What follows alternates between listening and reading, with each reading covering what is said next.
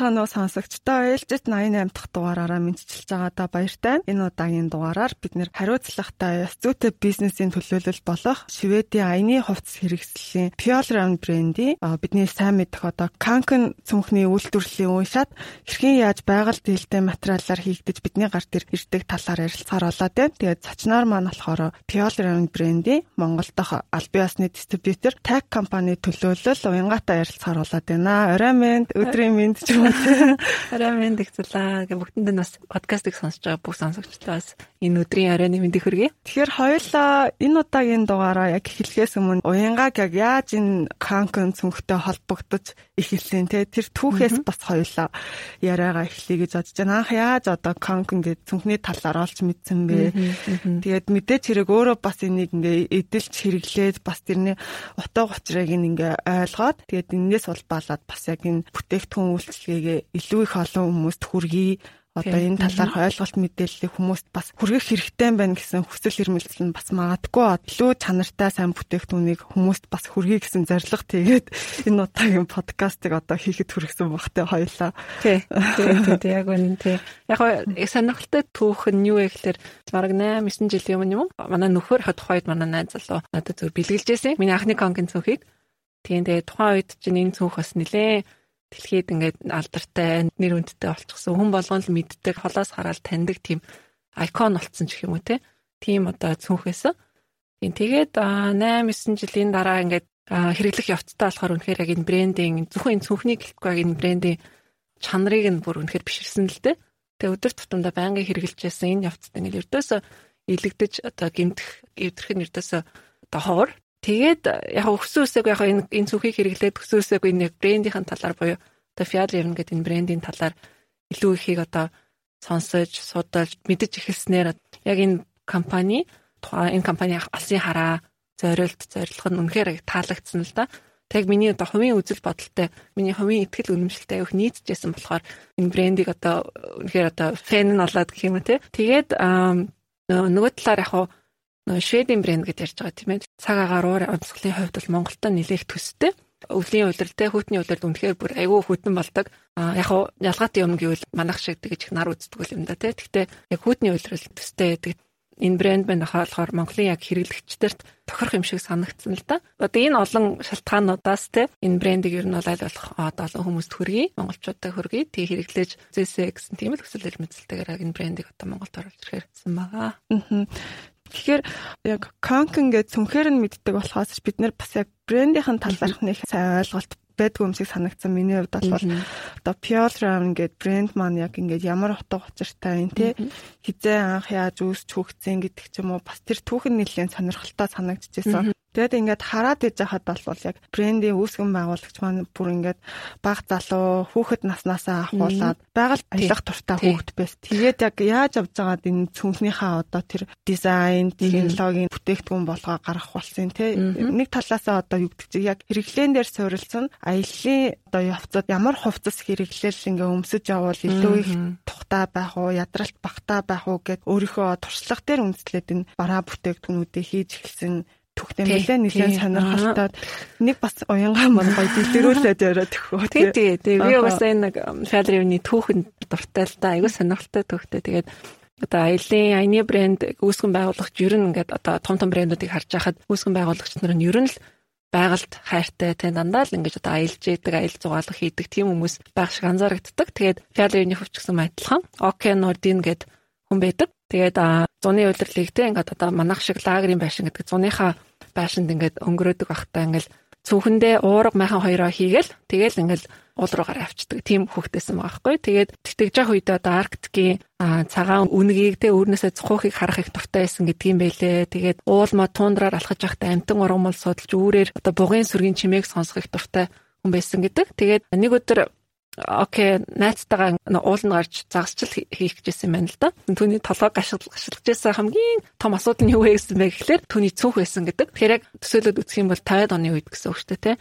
Хувц хэрэгсэл цүнх одоо тэ яг ийм техникийн зориулттай аяны хэрэгслүүд бас ямар шүү байсан бilé гэд төсөөлөд үзээ л да тий. Нилээн жоохон бартаг тий хүн хүн дэм насгаар ингээд одоо ер нь бол яг юм техникийн зориултын бус одоо зүгээр л одоо нэг асны нуруунд дээр шуудаа өрцсөн юм шиг л тийм байсан байх байхгүй тий.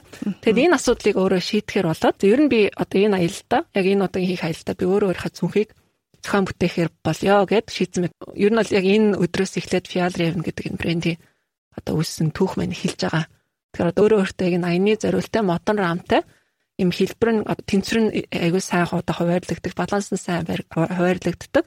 Жингийн одоо хуваарлагддаг нь зөв явагддаг гэсэн үг шүү дээ, тий. Тэнцвэртэй өөрөө тий өөрөө явхад тэнцвэртэй нуруунд эвтэйхэн тий бие эвтэйхэн дээрэс нь ингэж нөө хөлрөгдгөө халууцуулдгөө тий гэх мэт айгүй олон шин чанартай явуулсан одоо анхныхаа тэр зүнхийг зохион бүтээчихсэн юм бэлээ. Тэгээд а энэ цаг үеэс хойш бол бас хит хитэн ийм том одоо онцлог тийм одоо бүтээгтүүнүүд байдаг яг Fial Revenue хувьд. А энэ зүнхийг зохион бүтээснийхаа дараагаар энэ модон рамтай цүнх арай ч хүнддэх юм байна. Инээс илүү би яаж энэ цүнхийг илүү сайжруулад арай хөнгөн болгох чадах вэ гэд өөрөө судлаад үзсэн чинь 57 онд Оросуудын хөөргсөн Спутник 1 гэдэг хиймэл дагуул гэдэг шүү дээ. А энэ хиймэл дагуул нь болохоор хөнгөн цагаан одоо хийсэн материалаар бүтсэн хиймэл дагуул юм байлээ л дээ.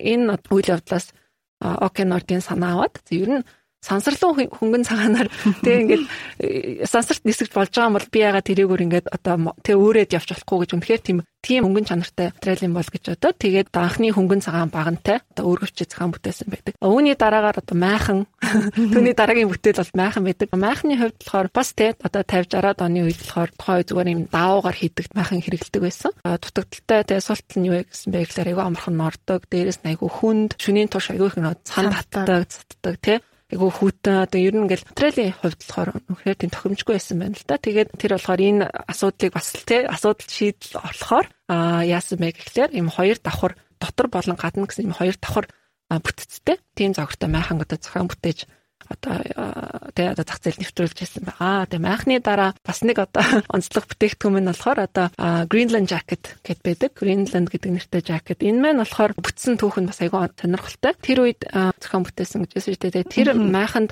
зориулаад гаргаж авсан нэг материал байдгийн тэр нь майхан хийхэд тохиромжгүй байна. Арай дэндүү хүнддэх юм байна гэд одоо байшингийнхаа нэг буланд ингээд хайцсан байсан байгаа байхгүй хаяад мартчихсан.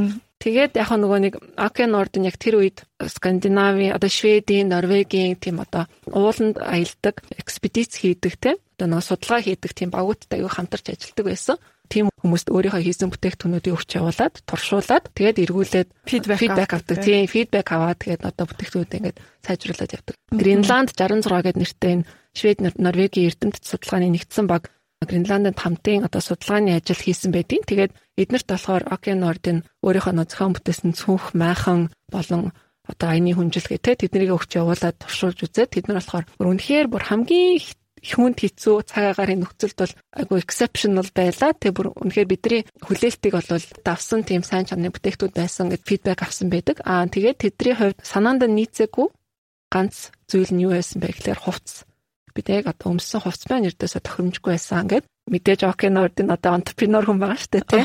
Тэр асуудлыг шийдэхэд одоо одоо тэднэрт ийм аяллаа хөрмийг зохион бүтээсэн.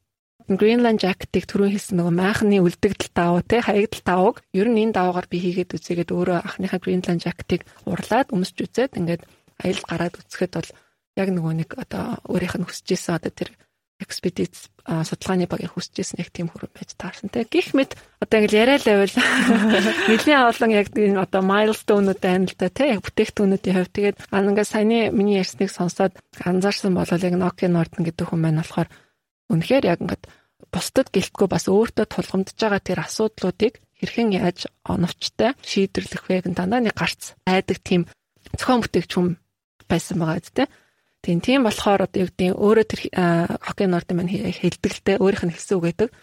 Надад болохоор загварын чиг хандлага бол сайн миний сонирхлыг татдаггүй. Би гагцхүү зөвхөн өөртөө хэрэгтэй гэсэн юмыг л зохион бүтээдэг. Тэ одоо энэ компани үүсгэн байгуулагчийн хувьд яг л тийм бүтээгдэхүүнүүдийг зохион бүтээдэг учраас одоо бусад хүмүүсийн ч гэсэн хэрэгцээ шаардлагатаас нийцдэг байх гэж хэлсэн байдаг. Энд дээр бас анзаараад исэн чинь бас надад тохиолдсон нэг явдал юм л та. Аялал одоо зугаалга ингээл байгальд аялаад явж хахад явдал дундаа айгүй их ядардаг. За ингээд надаа аль болох нөө бид одоо эвтэйхэн хувцас өмсөө явж байгаа ч гэсэн тэр маань одоо магадгүй одоо борооны хамгаалттай биш гэдэг ч юм уу цасны хамгаалттай биш байх юм бол тухайн аяллыг аюу гоё ингээд дурсамж бүтээх гээл ингээд яваал яадаг гэдэг. Тэгсэн чинь эдэлж хэрглэж байгаа зүйлүүд маань одоо юу? Зариултын биш болоод ирсэн чинь аялал дундаас амар ядрах тий. Тэгээд юу аялах мантай бүр нөгөө нэг тэр аяллаасаа илүү ингээ ядраад тэгээд бүр ингээ за за буцъя гэдэг ч юм уу тийм тохиолдлууд хүртэл бас гарч исэн. Тэгээд сүүлд гоё юм шиг муухай юм шиг нэг торсон жатхаараа би нөгөө асрал тайрхан руу гарсан. Тэгээд тэрэн дээр зүгээр хайкинг хийдэг хувцастайгаал тэгэл нэмэлт идэл хэрэгсэл аваал тэгэл гарсан. Тэгсэн чинь бас тийм биш байд юм байлаа. Яг аяллаа хувц гэдэг чинь яг аяллаа хувц гэдэг юм байна. Өндрийн хувц гэдэг чинь өндрийн хувц тэгээ өндрийн бэлийн үнрийн одоо юу гэдэг юм те одоо тэр шил тэгээд готал тэгэл эдлэл хэрэгсэл болгоно яг тэрэндээ зориулсан байх хэвээр байна. Тэгжээж би илүү яг тэр аяллахаа утга учирыг ойлгоод тэгээд гой сайхныг илүү түртэхгүйгээр мэдрэх боломжтой байна гэдгийг яг өөр төрөө мэдчихсэн байхгүй. Тэгэхээр Магадгүй одоо юу гэдэг чинь би үнэхээр гоё ингээд байгальд гараад аялах гэж байгаа бол тэрэнд зарцуулах байсан тэр нүү зардал мөнгө те цаг хугацаа юу гэдэг тэр болгоныгаа цагаа зарцуулчлаа юм чинь би аль болох тухтай аялах хэрэгтэй юм байна гэсэн ойлголт яг өөр дээрээ мэдэрчээсэн. Тэгээд би ингээд хуруу гар маань жоохон ингээд харагдаад хацар маань хөлтөөд ирсэн. Тэгээд тэрнээс остоо за аяллаа хувц хонор бол яалтчгүй л нөгөө зориултын байх хэрэгтэй юм байна. Тэрэнд бас цаг зарцуулаад одоо хөрөнгө зарцуулаад ч болтгоо худалдаа авалт хийх хэрэгтэй мэн А гэхдээ тодорхой хэмжээний тэр маань бас урт удаан хугацаанд бас эдэлж хэрэглэж болохоор тийм чиглэлээр байх юм бол бас миний бодож явдаг тэр үнэт зүйлстэй бас ингээ уялдаж холбогдох юм байна гэдгийг ойлгож авсан л та. Тэгээд яг миний бас сонирхдаг брэндүүд гэх юм бол энэ Pure Round тэгээд энэ Patagonia гэл яг энэ чиглэлээр нэлээд одоо тусдаа тэгээд бизнесийн алсын хараад зорилго чиг хандлага нь хүртэл энтэй холбогдсон үйл ажиллагаа нь хүртэл энтэй бас уялдсан тийм компаниуд бас нэлээд бас миний сонирхлыг татаад байдаг тийм. Тэгээд энэ удаагийн дугаараар ч гэсэн яг энэ чиглэлийн яриаг бас өрнүүлж байгаад амар баяртай байна. Харин тийм би өөр яхаа нэг sustainability буюу одоо доктортой бизнес доктортой хөгжил одоо юу гэдэг тийм одоо байгаль дээлтэй бизнес гэл энэ чиглэлээр зүгээр өөрөө сонирхож одоо уншдаг судалдаг л өдөр тутамдаач тэр ерөнхийдөө ингэж хийж байгаа сонголтууд маань болохоор яг үүнтэй холбоотой уялдаатай байдаг болохоор энэ брендийг бас оруулж ирэхээр шийдсэн ба шалтгаан маань бас олчж байгаа те дээрэс нь өөрөө би бас энэ брендийг хэрэглэх аягүй дуртай өвшөө олон хүмүүс бас яагаад энэ брэнд юм бэ? Яагаад Fiat Driven нэг сонгох хэрэгтэй юм бэ гэдгээ бас шалтгааныг ойлгуулах бас тийм хүсэлтэй байгаа байхгүй тийм. Аа. Миний анх нөгөө Pure Round-ыг мэдгээс өмнө одоо одоо өөр бүтээгдэхүүнүүд дээр нь ингээд ойлгож эхэлсэн бүтээгдэхүүн бол цүнх байгаа дээ тий. Конкен цүнх конкен цүнх. Анх харчингуудаа уяасан хөөхөн хэлбэртэй хөөхөн загвартай цүнх гэж харж исэн. Тэгээд нэг хэсэг нэлээд тренд болсон. Тэгээд буцаад ингээд тренд болоод энэ ягаад ингээд гарч ирсэн ямар брэнд юм бол гэж хараад үзсэн чинь бас нэлээд сонирхолтой. Тухайн үеийн шивэдийн өсвөр насны хүүхдүүд те ахлах ангийнхны бурууны асуудлыг шийдсэн гэдэг ч юм уу те загварын хувьд ч гэсэн нэг дизайн тинкинг хийгээд бодож үзсэн тийм үүрхэд одоо тийм эвтэйхэн тэгээ нурууны асуудлыг одоо нэг хэсэг үеийнхний нурууны асуудлыг шийдсэн цонх гэж яриад тэр яг ямар очиртай юм бол Тэр 70-аад оны үед шведийн хүн амын бараг 80-аад хувь нь амьдралынхаа айл нэг үед тийм нурууны өвчнөр өвдөжсэн гэдэг юм тийм одоо тоо баримт байт юм байлээ. Тэгээд эдгээр хүмүүсийн дийлэнх нь хүүхдүүд байсан. Тэгээд яагаад тэгэхээр яг тэр үед шведэд ингээд яг нэг мөрөндөө ч юм уу үрдэг те бас ингээд одоо эргономик талаас нь хараад юм бол тийм нуруунд тийм ээлгүй те. Тэгээд тийм тав тухгүй ч юм уу скол одоо хэлбэр галбар юуны хувьд тохиромжгүй тийм цөөхнүүд л юу хэрэгэлдэг байсан юм байна л дээ. Тэгэл энэ асуудлыг мэдээж одоо манай нөгөө үүсгэн байгуулагч байна. Одоо нэг ийм асуудал байна. Энийг яаж шийдэх вэ? Тэ гарц хайгаад яг энэ конкен гэдэг цүнхийг зохион бүтээсэн. Тим түүхтэй байдаг. Тэгэл тухайн үед яг энэ конкен цүнх гарч эхлээл ер нь бол тэр үед одоо Шведийн бүх сургуулийн насны хүүхдүүд бол энэ конкен цүнхийг үрдэг байсан гэж ярьд юм билэ. 70-аад оны үед анх гарсан гэдэг чинь тэгээд одоо 50-аад тийм бараг 50 жилийн дараа болохоор загвар нь бас л яг адилхан баг өөрчлөгдөөгүй. Ерөнхий та тий. Ерөнхий ингээд төр зураг дизайн л яг л хിവэрэ яг л адилхан хിവэр одоо гэсэн одоо тийм timeless design гэж ярьдаг л тань Fiat Wave-ийнх нь болохоор ямар ч цаг үед те хуучршгүй яг л одоо ингээд одоо тийм классик хэм маягтай хэв загвартай хизээч л хизээ өмдөж болохоор хэрглэж болохоор тийм буц хэрэгсэл ерөөхдөө цахан бүтээдэг. Энэ дээр бусад бараа бүтээгдэхүүнүүд улирал цаг уурын онцлогоос хамаарат байн байн ингээд загвар нь өөрчлөгдөд байдаг тий. Үйлдвэрлэлийн ард одоо орчны бохирдлын асуудлууд ч юм уу тий. Дээрээс нь хүний эрхийн асуудал, аюулгүй ажлын байрны нөхцөлд ажиллаж гэнэ үү гэдэг ч юм уу. Тийм асуудлууд бас хөндөгдөж гарч ирээд идэм байлээ л дээ. Тэнгүүт ингээд буцаад ингээд үйлдвэрлэлийн хувьд аваад үзэх юм бол зөвхөн л нөгөө хэрэглэн цувралсан нэг тийм ойлголт агаад идэг. А нэг талаасаа химлэр эрэлтийг бий болгоод хэрэгцээгээ ингээ үйлдвэрлэл яваад исэн чинь гол ингээ бидний алдаад байгаа зүйлсүүд нь бол төрөлөн боорч нийгмийн асуудлууд болж ирсэн. Тэгэнгүүт одоо бусад яг юм хариуцлагатай бизнес эрхэлж байгаа брэндүүдийг хараад үзэх юм бол ажиллах орчны хувьд ч гэсэн ажилтнуудтай ээлтэй. За тэгээ бараа бүтээгдэхүүнүүдийнхаа материалыг нь хүртэл авч үзэхдээ нэлээд хаягдал багтай материалаар яаж дизайн хийх үү? Буцаага бүтээгдэхүүн болоод дууссан ч гэсэн тэр маань одоо байгальд хэрхэн яаж ингэж байгаа бэлээ. Үе шат болгоныг нь бодолцож үтсэн бараа бүтээгдэхүүн байдаг юм шиг санагдсан. Ингээд аваад үзэх юм бол Канкен цүнхний хувьд ч гэсэн шинжилэл хийгдээд эхэлж байгаа юм л да. Яг хэрэглэн дээр тулгуурлаад одоо жишээ нь одоо хаягдлыг дахин боловсруулаад тэрүүгээрээ материал гаргаа, утас гаргаад илүү бат бөхцөн үйлдвэрлэх гэдэг ч юм уу те. Шин шин шийдлүүд нь яг загварын хувьд биш материалын хувьд ингээд илүү sustainable тиймэрхүү материалууд болж ирж байгаа юм шиг харагдсан.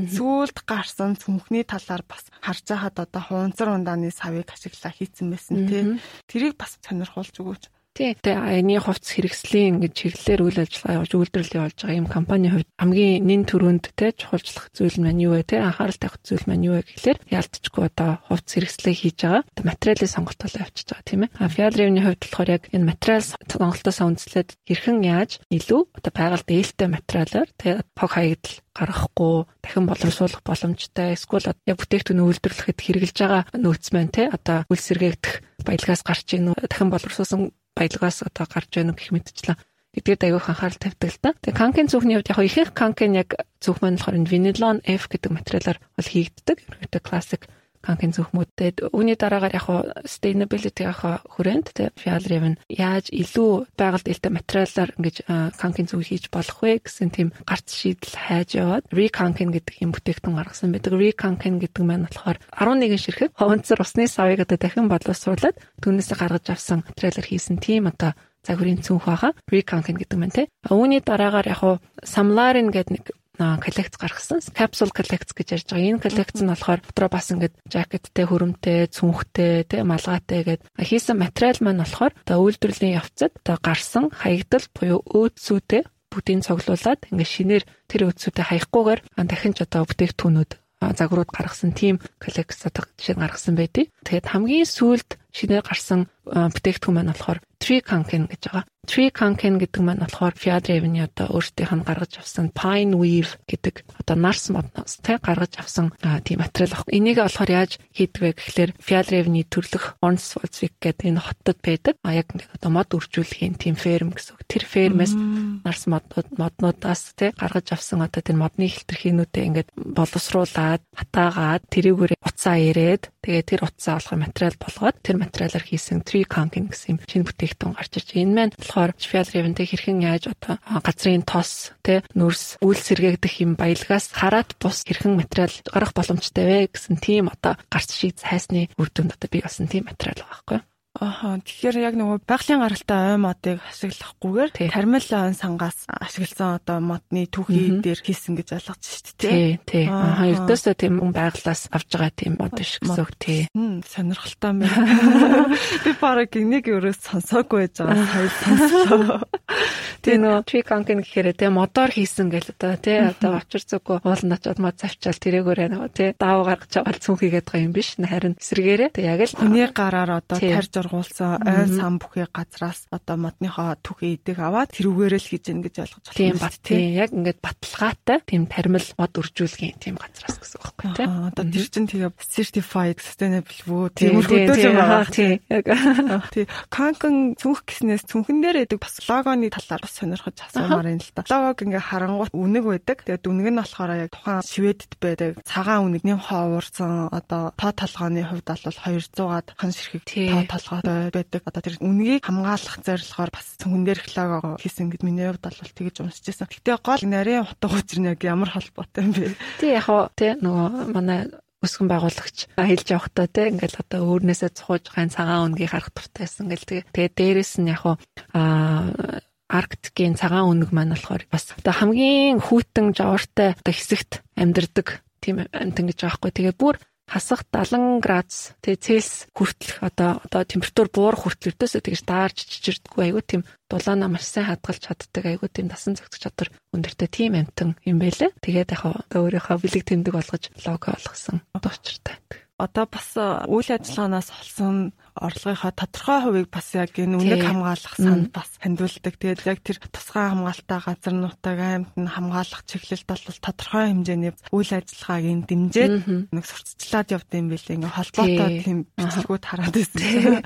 Тэгээ нөө Фиалрийнхынхаа 90 оноос эхлээд одоо энэ Скандинавийн орнуудад те нэг ховордож байгаа энэ Арктикийн цагаан үнэгний судалгааны ажлуудыг санхүүжүүлэхээр Стокгольм их сургуультай хамтарсан байдаг. 19 оноос хойш Arctic Fox Initiative гэдэг юм сан байгуулад Fjallraven. Тэгээ энэ сангаараа дамжуулаад ан амтан байгаль орчны тогтвортой байдгийг хамгаалах чиглэлээр үйл ажиллагаа явуулж байгаа одоо байгууллагууд, төслүүдээ санаачлагыг дэмжих зорилготойгоор эхлүүлсэн тийм юм байгаа. Тэгээд жил бүр одоо яг энэ Arctic Fox Initiative-ээр одоо шалгарсан, шалгараад сонгогдоод гарч ирсэн байгууллагуудыг болохоор энэ одоо манай Fial Raven дээр Arctic Fox Initiative гэсэн тийм логотой бүтээгдэхүүний худалдан авалт болгоны нэг хувийг нь одоо борлуулалтын нэг хувь гэсэн үг шүү дээ. Хандивлаад санхүүжүүлж дэмждэг. Байгаа гэд бодоод үтсэн чинь одоо тухайн одоо брэнд маань байгуулгын маань бас үнэт зүйл тэгээд зориг зорилт маань хүртэл яг хүрээлэн буу орчныг нэгт тавьсан тий одоо буцаад одоо бүтээгдэхүүн үе уламжлаад миний дараагийн үр хүүхэд гэдэг ч юм уу тэр болгонд нөгөө эмээгийн өмсөжсэн хувцас өвөөгийн хэрглэжсэн одоо жакет гэдэг ч юм уу. Тиймэрхүү үнцнийг бас айгүй бий болгоод идэг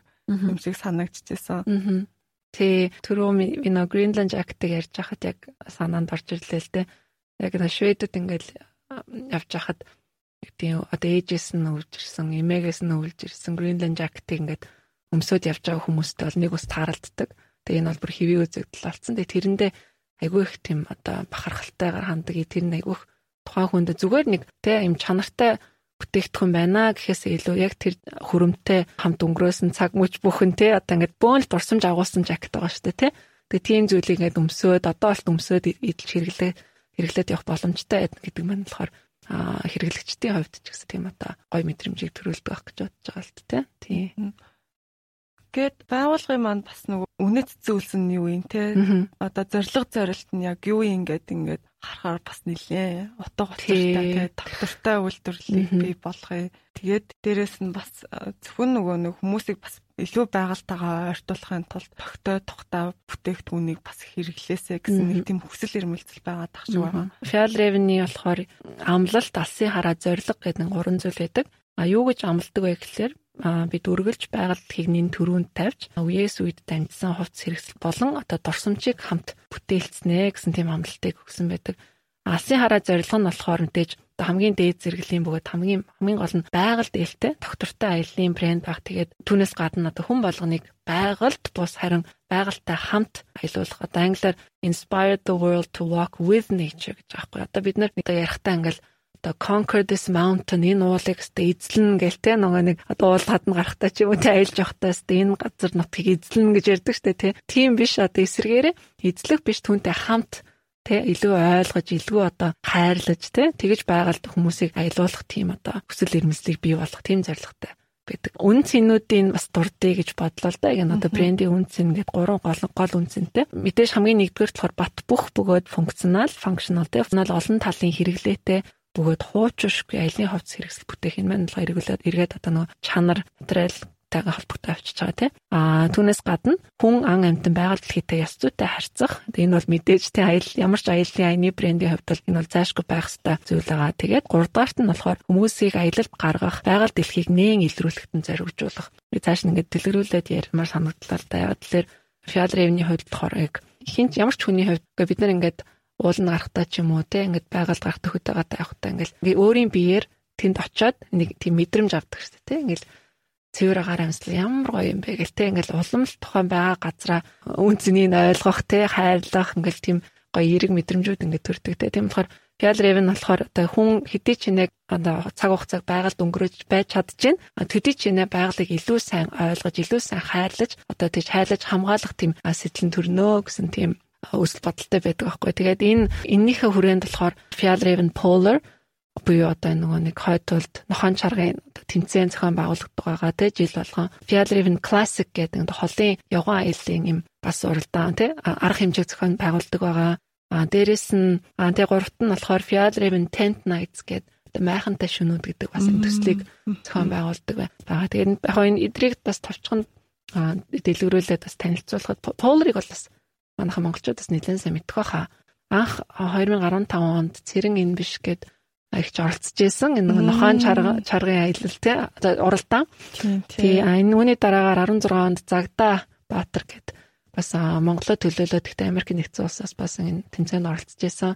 Түүхтээ 17 онд Баска гэдэг хүн 18 онд Номин гэд бас манай Монголоос оролцогчдод бас тий энэ уралдаанд оролцож исэн байлээ. Тэгээд Fjallraven Classic-ийн хувьд болохоор Оки Норден мань байгаль аялах дуртай хүн байсан гэдэгтэй. Тэгээд өөрийн үзэж харсан энэ үзэсгэлэнтэй байгалыг сайхныг зөвхөн дан ганцаараа биш те хэрхэн яаж олон хүнд хүрэх вэ гэж бодсны эцэст яг энэ арга хэмжээг ерөн зохион байгуулъя. Тайл болох олон хүмүүсийг байгальд гаргая гэсэн тийм зорилготойгоор энэ арга хэмжээг эхлүүлсэн байдаг. Тэгээ одоогор анх Fjallraven Classic Sweden гэж зохион байгуулдаг гэж одоо болохоор Денмарк, Дайн, Америк нэгдсэн улс, Хонконг, Англи, Солонгос гэдэг айгүй олон орнуудад зохион байгуулагддаг болсон ийм арга хэмжээ байгаа. Тэгээд Tent Nights гэдэг маань болохоор майхантай шөнө гэдэг энэ төсөл маань би бид нар болохоор Монголд сая энэ өнгөрсөн зунаас анх удаа туршиж эхлүүлж үзсэн. Тэгээ одоо майхан түрээсийн үйлчлэгэн байгаа юм л да.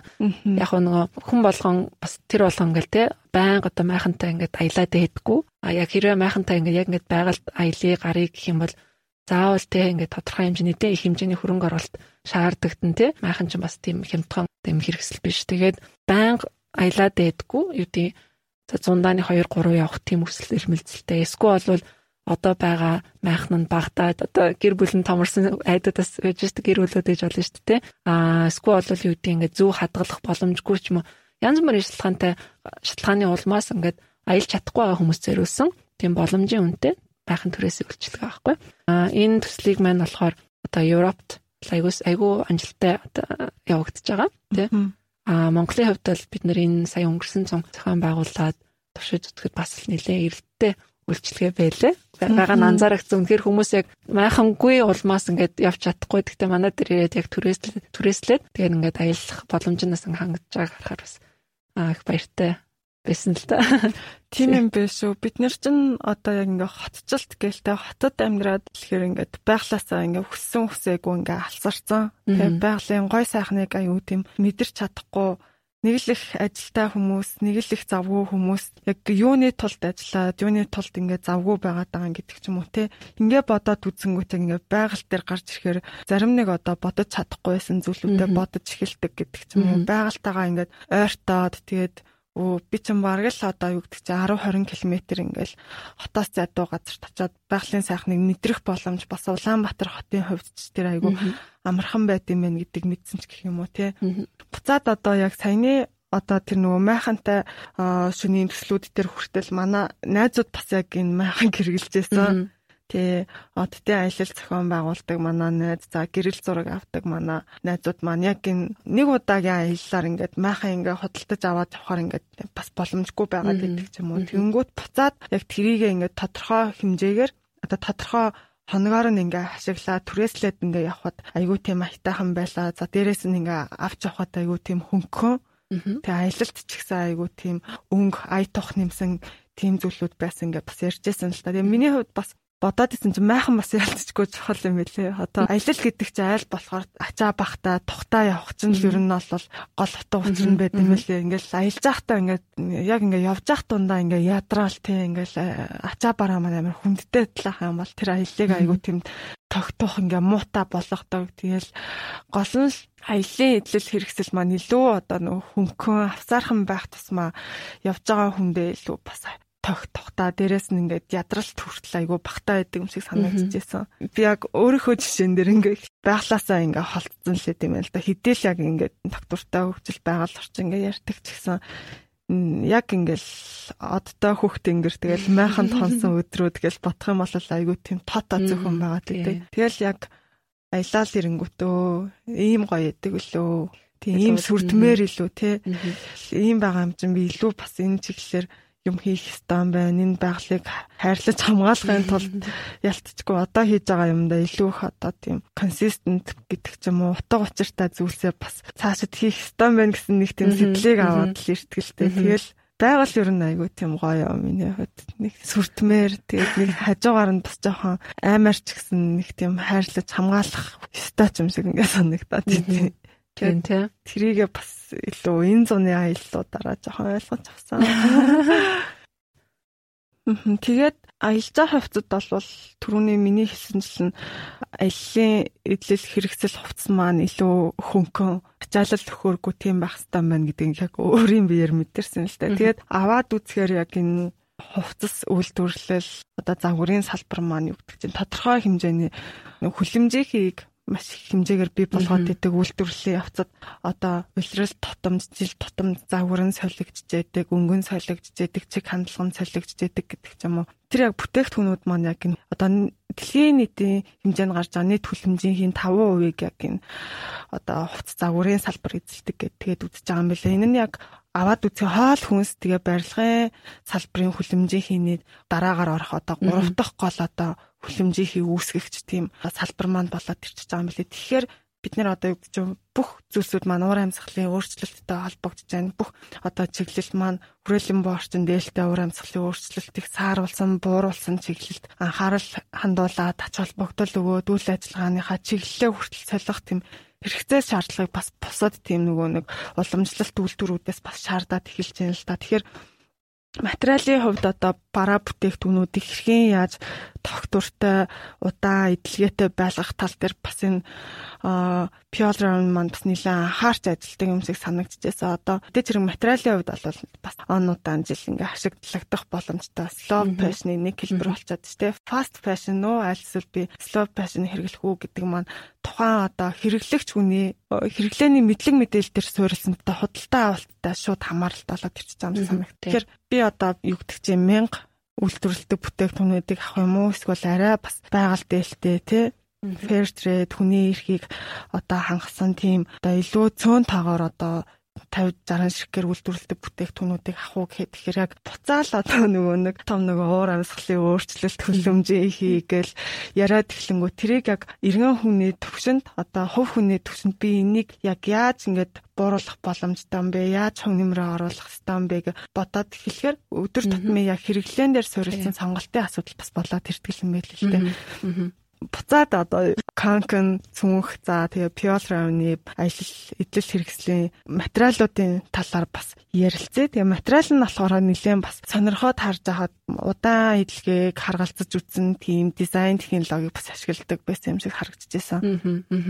Тий. Жишээ ингээд татаад дуртах юм бол одоо NOS гэдэг материал байна тий. Бидний мэдж байгаагаар одоо олон а 10 мянган жилийн турш одоо хэрэглэгдэж ирсэн одоо тийм материал байгаа тийм ээ. Одоо нооссын хувьд аялын категорид болохоор маш сайн тийм тохирог материал болж байгаа юм л да. Тэгээ Fiat-ийн хувьд болохоор энэ ноосыг бол маш олон зориултаар ашигладаг. Тэгээ ингээд яг ингээд цамц хүрэм өмд одоо гадна гадна талын материал хэрэглэхээс гадна доторлогооны дулаалгын материал энтергээ те янз бүрээр ашигладаг байгаа. Тэгээд зүгээр нэг ноосоос ашиглахгүй.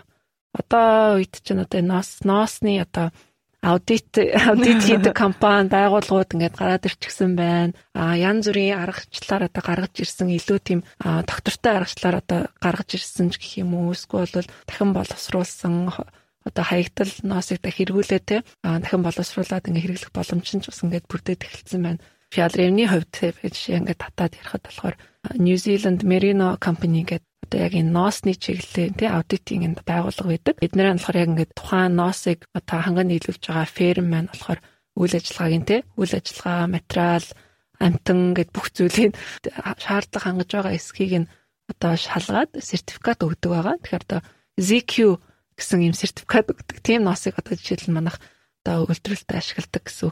А энэ ZQ сертификатыг авахын тулд мэдээж одоо нэгдсэн зүйн байгууллагын одоо аан амтны таван эрэхэд Five Freedom of Animals гэдэг энэ шаардлагыг хангаж ийн үгүй гэдгийг маш наривчлан авч үздэг байгаа л да. Тэгэхээр одоо зүгээр нэг те virgin wool ашиглахгүй бүр ингээд айл болох те одоо байгаа зүйлийг хэрхэн дахиж ашиглаж болохоор байна. Эсвэл ирээдүйд ингээд хог хаягдал болохоор байсан тэр нос те материалыг яаж эргүүл татаатаа үйлдвэрлэлтэд оруулах вэ те. Дээрээс нь бас яг ингээд шууд одоо ханган нийлүүлэгч фермээс ингээд татаж авч байгаа ноос маань яг эрүүл ах уу талаасаа эрх зүй талаасаа тэл амтны те одоо ёс зүйтэй харьцаж байгаа үгүй тэр талаасаа ч одоо бүх талаас нь харгалзаж үзэж ерөнхийдөө айл болох хамгийн sustainable гэсэн ноосыг одоо хэрэгжилж байгаа гэсэн үг л тэ. Зөвхөн ноосон дээр л ингэж ярихад бол маш олон төрөлж байна. Маш олон тийм нарийн шаардлага шалгуур одоо бас байна гэсэн үг. Аа бас нэг онцлог материал маань болохоор одоо сүд. Бидний мэдэх одоо өвлийн гүртэг, хөрөн, маяны хүнжил гэдээ маш олон зүйлд оролцдог тийм ордог одоо дулаалгын тодорхойны материал байгаа тийм а Fowler-ийн зүгээс болохоор одоо үд сүдэн тодорхойны баталгаа буюу одоо Fowler-ийн down promise гэдэг зүйлийг одоо хэрэглэгчтэй ингэж өгдөг байгаа. Энэ маань юу вэ гэхлээр тухайн сүдэн одоо тодорхойны материалын те. Нийлүүлэлтийн сүлжээний үе шат тутам нь ил тод бөгөөд тийм нээлттэй байх санаачлага ихлүүлсэн байдаг. Тэгээд энэ болохоор Fowler-ийн хувьд 2014 оноос хойш одоо энэ сүд гэдэг материалын одоо үе шат тэг нийлүүлэлтийн одоо гинжин хэлхээ гэж ярьдаг шүү дээ тий. Энэ бүгд маань болохоор 100% ил тод болж чадсан байдаг. Аа аа тэг түрүү минь ностон дээр бас ярьсан тий. Нүүбийн амтны таван ирэх гэж ярьсан тий. Яг адилхан одоо тэр шаардлагуудыг одоо хангасан. Үйлдвэрлэлийн үе шат болгонд ашиглагдж байгаа тэр нос ноолур маань байгаль болоод нийгэмд ээлтэй байдлаар одоо би болсон байна гэдгийг над бол хинаа чалгаад тэгээ тэрийг ингээд сертификат олгоод тэгээ тэр яг тийм нөгөө нэг хинаал чалгалтанд орсон ноос нь олгорыг бас оруулдаг юм байна. Яг мэрэгжлийн хяналтаар орсон гэсэн. Мэрэгжлийн хяналтаар тий. Тэгээ ноосны хувьд тий. Тэгээ яг энэ бас ноосон материалтай материалыг сонгох бас нэг шалтгаан маань болохоор үнэр өөртөө гэж удаан шингээж хадгалдаггүйгээ тий. Энэ маань эргүүлээд болохоор тухайн одоо ноос эдлийг одоо хэрэглэх болгонд угаад угаагаад ах шаардлагагүй болдог гэсэн үг. Заавал одоо угаасаа нэг өмслөө манайхан ч тэл нэг өмсөн юм а дахин дахин угаа цэвэрлээд ах аягүй дуртай штэ тий. Ноосны хувьд бол тийм биш. Аль болох баг угаах ер нь бол тий. Аль болох одоо олон дахин угаахгүй байвал илүү сайн. Наасныхан тэр одоо чанар нь ч гэсэн одоо илүү удаан хадгалагдана. Эргүүлээд баг угааж ин гэдэг чинь одоо тий усныхаа хэрэглээг багасгаж ийл гэсэн үг шүү дээ. Тэгэхээр нэг талын одоо хэрэглэгчийн хувьд ч гэсэн илүү бас sustainable сонголт бол авчиж байгаа. Одоо ноос наалуур материал оролцуулсан гол бүтээгдэхүүн маань юу болж байгаа лээ? А ноос нь цамцнууд байна. А малгайнууд хөрмнүүдийн хувьд гэх юм ба тий носон хөрөм, носон доторлогоотой хөрөм, холцтой. Тий холцтой тийм хөрөмнүүд байгаа. Носон бас өмднүүд байдаг. Манай Фядревны одоо ангийн ангиллын хувцснууд болохоор хөвчлэн бас юм носон материал носон оруулахтай байдаг л та. Өөр одоо материалын хувьд бол бас сонирхуулаад хэлэхэд миний нөгөө нэг G1000 гэж бас яг юу хэлээд байгаа гэдэг нь бас ойлгоогүй л дээ. G1000 гэдэг нь яг юу юм бэ? Тийм G1000 гэдэг нэр маань болохоор нөгөө Greenland Jacket гэдэг ойлаа анх ярьж ирсэн да. Гренландд экспедиц судалгааны ажил хийжсэн хүмүүсийн одоо хүмүүсийг бэлэгдэж тий тухайн хүмүүс зориулсан нөгөө нэг Greenland хөрөм Greenland Jack гэдэг зохион бүтээсэн шүү дээ тий. Тэгээд G тий Greenland G гэдэг Greenland эхэлж байгаа хгүй тэгээ G1000 гэдэг нэр өгсөн. Энэ G1000 гэдэг материал маань яг Fjallraven-ийн өөртөөх нь нэг зохион бүтээсэн материал л та. Тэгээ энэ маань болохоор айгүй тийм онцлог айгүй сонирхолтой тийм шин чанартай материал юу вэ гэхлээр Greenland wax буюу одоо зүгийн лав болон парафины холцтой энэ Greenland wax гэдэг юм төрхлөг байдаг. Энэ wax-ыг ашиглаад тухайн G1000 гэсэн материалыг нэг бол одоо усанд төсвөртэй болгож болдог. Айл эсвэл бол одоо угааж цэвэрлээд одоо илүү агаар нэвтрэх чанарыг нэмэгдүүлж болдог тийм ховсомтгой чанартай тийм материал байхгүй. Тэгэхээр одоо бодоод үзэх юм бол юу гэдэг нь жоохон тийм өнгөн бороо шивэрсэн нэлээд тийм салхитай өдөр байлаа гэж бодсон шүү дээ тий. Гэтэ тийм өдөр одоо өөрийнхөө G1000 материалыг хийсэн одоо хөрмийг ч юм уу өмдийг ч юм уу тий. Greenland wax-аар wax-а түрхэд а төрчих юм бол одоо юу гэдэг илүү сайн хамгаалалтай хамгаалалтай болно гэсэн үг. Аа тэгээд одоо юу гэдэг бол тулааны уйлрал гэхлээр те 100-ын 100-ны халуунд арай жоохон тийм агаар нэвтрэх чанартай тийм хувцс хэрэгтэй болох юм бол тухайн хувцас зөөр угаад цэвэрлэнгүү тэр wax нарилаад одоо илүү тийм хөнгөн шин чанартай материалт болчихно гэсэн үг байхгүй. Тэгэхээр одоо нэг усны хамгаалалтай, нэг салхины хамгаалалтай, нэг одоо гэдэг агаар нэвтрэх чанар сайтай ч юм уу те олон төрлийн ингэж хувц те авахын оронд зүгээр нэг G1000-тай хувц аваад тэрийг ингээд өөрөө тохируулаад цагаагаар те орчныхаа уур амьсгалд ингээд зохицуулаад ураад татах боломжтой. Вакцин түрхлэхээ ингээд нэмээд одоо түрхээд авах боломжтой. Нэмээд түрхээд тий. Аа. Тэгэхээр одоо G1000 гээд материалаа ингээд бодоод үзэхээр мэдээч хэрэг одоо тодорхой хэмжээний ваксаар түрхлэг хийгээд тухайн материалаа урт удаан хугацаанд ингээд ашиглах боломж нь бий болоод ирчихэж байгаа сте. Буцаад одоо бусад одоо аяллаа хувцас брэндүүдийг ингээд хараад ах юм бол бас яг энэ одоо бороо цасны хамгаалалттай салхи нэвтрүүлдэг материалууд чинь бас янз бүрийн тийм хими элементийг агуулсан материалууд идэв шүү дээ. Тэр талаар бас хоёулаа жоохон хөндөд ярьчих уу одоо. Одоо жишээ нь одоо хоёулангийн яриад байгаа энэ сэдвийн хүрээнд Pure маань одоо яаж одоо шинэ одоо бүтээгдэхүүнүүдийг одоо инновац технологийн хүрээнд одоо бий болгож гаргаж ирсэн тий. Буцаад ингээ харах юм бол мэдээч хэрэг хими одоо найрлага ашигласан бүтээгдэхүүнээс илүүтэй. Буцаад ингээ хаягдлыг дахин боловсруулаад шинэ бүтээгдэхүүн материал бий болгоо тэрийг ахиад байгаль дэлтэй бүтээгдэхүүн болгож байгаа сайн жишээнүүд бас нэлээд харагдчихсан энэ талаар ярьж өгөөч. Тий. Яг аяны аяллаа хувц гэхээр мэдээж одоо хамгийн гол нь шин чанарын хувьд гэх юм бол аяллаа хувцсны тий хувц хэрэгсийн салбарын хувьд гэх юм бол хамгийн түгээмэл хэрэглэгддэг химийн бодис нь болохоор хүмүүс үл сонсч байсан баг. PFC гэдэг элемент байгаа. PFC одоо монголоор монголоор перфторт нүүрс төрөгч гэж хэлэх болов уу гэж би бодож байна. Би бас яг мэрэгжлийн үг нэршлийн бас яг сайн мэдэхгүй байна. Тэгээд энэ нь болохоор яг энэ ажилтрийн хөгжлийн явцад бий болсон тийм химийн элемент байгаа. Химийн гаралтай элемент. Тэгээд нин ялангуяа одоо манай энэ салбарт усан төсвөртэй, тосон төсвөртэй а салхинд төсвөртэй гэсэн тийм ийм шин чанарууд тухайн материалын ийм шин чанаруудыг нь одоо нэмэгдүүлэх зорилгоор ашигладаг тийм элемент байгаа. Тэгээд харамсалтай нь PFC нь болохоор одоо байгальд бүрэн задардггүй. Тэгээд одоо химийн найрлагууд нь болохоор ингээд хэрэглэх болгон тухайн хүн те PFC-гээр ингээд хамгаалагдсан одоо курткэгтэй жакетыг ингээд хэрэглэх болгонд тэр элемент маань болохоор ингээд байгальд ингээд тархаж идэг. Ууршиж тархаж. Ууршиж тархаж идэг. Тэгээд энэ маань өрн задрахгүй маш олон жил хадгалагдаж үлддэгээр айгүй хор уршигтай тийм элемент байгаа л да. Сүүлд уншиж судалж яснаар болохоор далайн тийм одоо жижиг битээс ахуулаад жирэмсэн эмхтэй урагт хүртэлтэй одоо олдсон байдаг гэж ярьдсан байлээ энэ элемент нь. Дээрээс нь одоо бүр тэр Антарктикийн утсан шувуудаас ахуулаад Арктикийн цагаан баавгай гэл те ер нь бол манай дэлхийн бүр те бүх зүйлд онцөг болон бүр ийм энэ одоо химийн бодис нь болохоор олддог юм бэлээ. Тийм хор хэрэгтэй. Бараг нөгөө микропластик. Тийм, тэрэн шиг л гэсэн үг яг үнэ. Аа тэгээд эрдэмтдийн судалгаагаар болохоор PFC нь хүний бүр дархлааны тогтолцоонд дээрээс нь илэгний үйл ажиллагаа бас дааврын үйл ажиллагаанд муугар нөлөөлдөг гэж тодорхойлогдсон юм бэ. Тийм болохоор яг тэг хэдийгээр одоо юу гэдэг а яг энэ тухайн бүтээгдэхүүний тэг ингээд одоо борон төсвөртэй усан төртэй байдлыг одоо маш сайн хамгаалж шин чанарыг нь маш сайн одоо тэг гаргаж өгдөг ч гэсэн одоо маш хортой бодис. Тэгээд тийм учраас одоо мэдээж одоо Revenue брендийн хувьд болохоор яг энэ химийн бодис маань болохоор мэдээж манай брендийн тий одоо зорилго зорилт үнцүүлэлт эрдээсээ нийцгээргүй тийм зүйл байсан учраас а 2015 оноос хойш болохоор PFC-г болохоор бүх бүтээгдэхүүнүүдээс ингэж авч гаргаж хайсан байдаг. Аа тэгээд үүний оронд арай илүү байгаль дээлтэй тийм sustainable тийм орлого тийм материалыг бий болгосон. Тэр маань болохоор EcoShell гэдэг нэртэй тийм материалыг гаргаж авсан байгаа. Тэ? Тэгээд зүгээр нэг үйлдэлснүүдээс гарах биш бас одоо үйлдвэрлэлийн явцад PFC орсон одоо бусад бүтээгдэхүүнүүдээс бусад брэндүүдийн бүтээгдэхүүнүүдээс бүр ингэж тусад нь байлгахаар хадгалахаар те ердөөсөө ямар нэгэн харьцаанд оруулахгүйгээр оруулахгүй байх тийм шаардлагыг бас тавьдаг. Micro beat microplastic шиг тийм одоо элемент болохоор айгуу тийм одоо тархах тийм чанар нь одоо өндөр тий. Тэгэхээр за материалын хувьд бол химийн найрлага багтай одоо бүтээгдэхүүн л үнийг талаасаа ингээд шилжиж байгаа юм байна. Буцаад одоо бүх бараа бүтээгдэхүүнүүд нь яг тийм эко шил гэсэн тиймэрхүү материалаар хийгдэж эхэлж байгаа гэсэн үг үү? PFC free.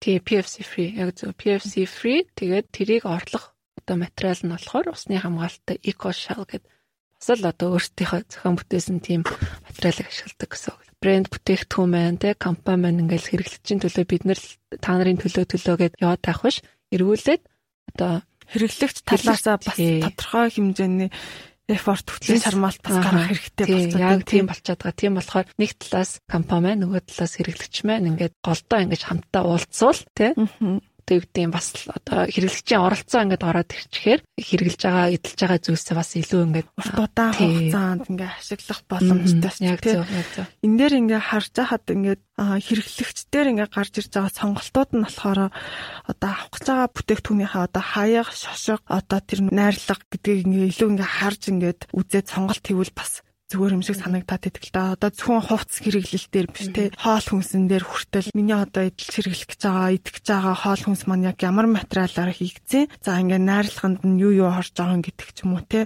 Хэрэглээ олгоноо бид нэр бас ингээ хариуцлагатайгаар ингээ сонгохын тулд ялтчгүй нөгөө мэдлэг мэдээлэлтэй байх ингээ хэрэгцээг бас биднээс ингээ нэхэд байна л да. Цаг үе маань буцаад одоо зөвхөн ингээ хариуцлагатай хэрэглээ бизнес үйлдвэрлэл гэж одоо нэг талаасаа зөвхөн үйлдвэрлэгч талаасаа ярихаасаа гадна буцаад одоо хувь хүний бас ухамсаар тэр үйлдэл дадал зуршил маань хүртэл бас энэнд ялтчгүй уялдаа холбоотой болоод ирчихэж байгаа юм шиг харагдаж байна.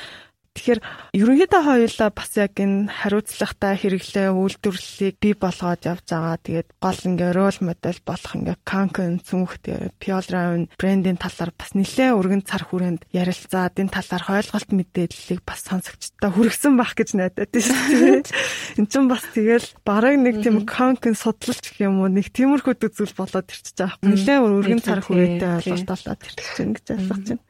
Тийм тэгээд э, одоо өнөө цаг үед зүгээр нэг одоо тий ингээл загварын чиг хадгалгаад агаад ч юм уу ингээл тухайн үеийнхээ трендийг дагаад ч юм уу тий эсвэл ингээл энэ гоё харагдчихээн ч юм уу тийм зүйлээр ингээд одоо сонголтоо хийх цаг үе маань өнгөрчөөд байна шүү дээ тий одоо бол илүү л маш нарийн өөрийнхөө одоо өдөр тутамд хэрэгэлдэг тий хоол хүнс хувц хэрэгсэл юу гэдэг тэр болгоныг аль болох л одоо sustainable тий тогтвортой тийм брендийг одоо сонгох цаг болж гин ирж гин тий үйлдэл болгон маань л одоо. Ер нь бол урт хугацаанд тодорхой хэмжээний уул мөрийг бас байгуулдаг яг үнэ.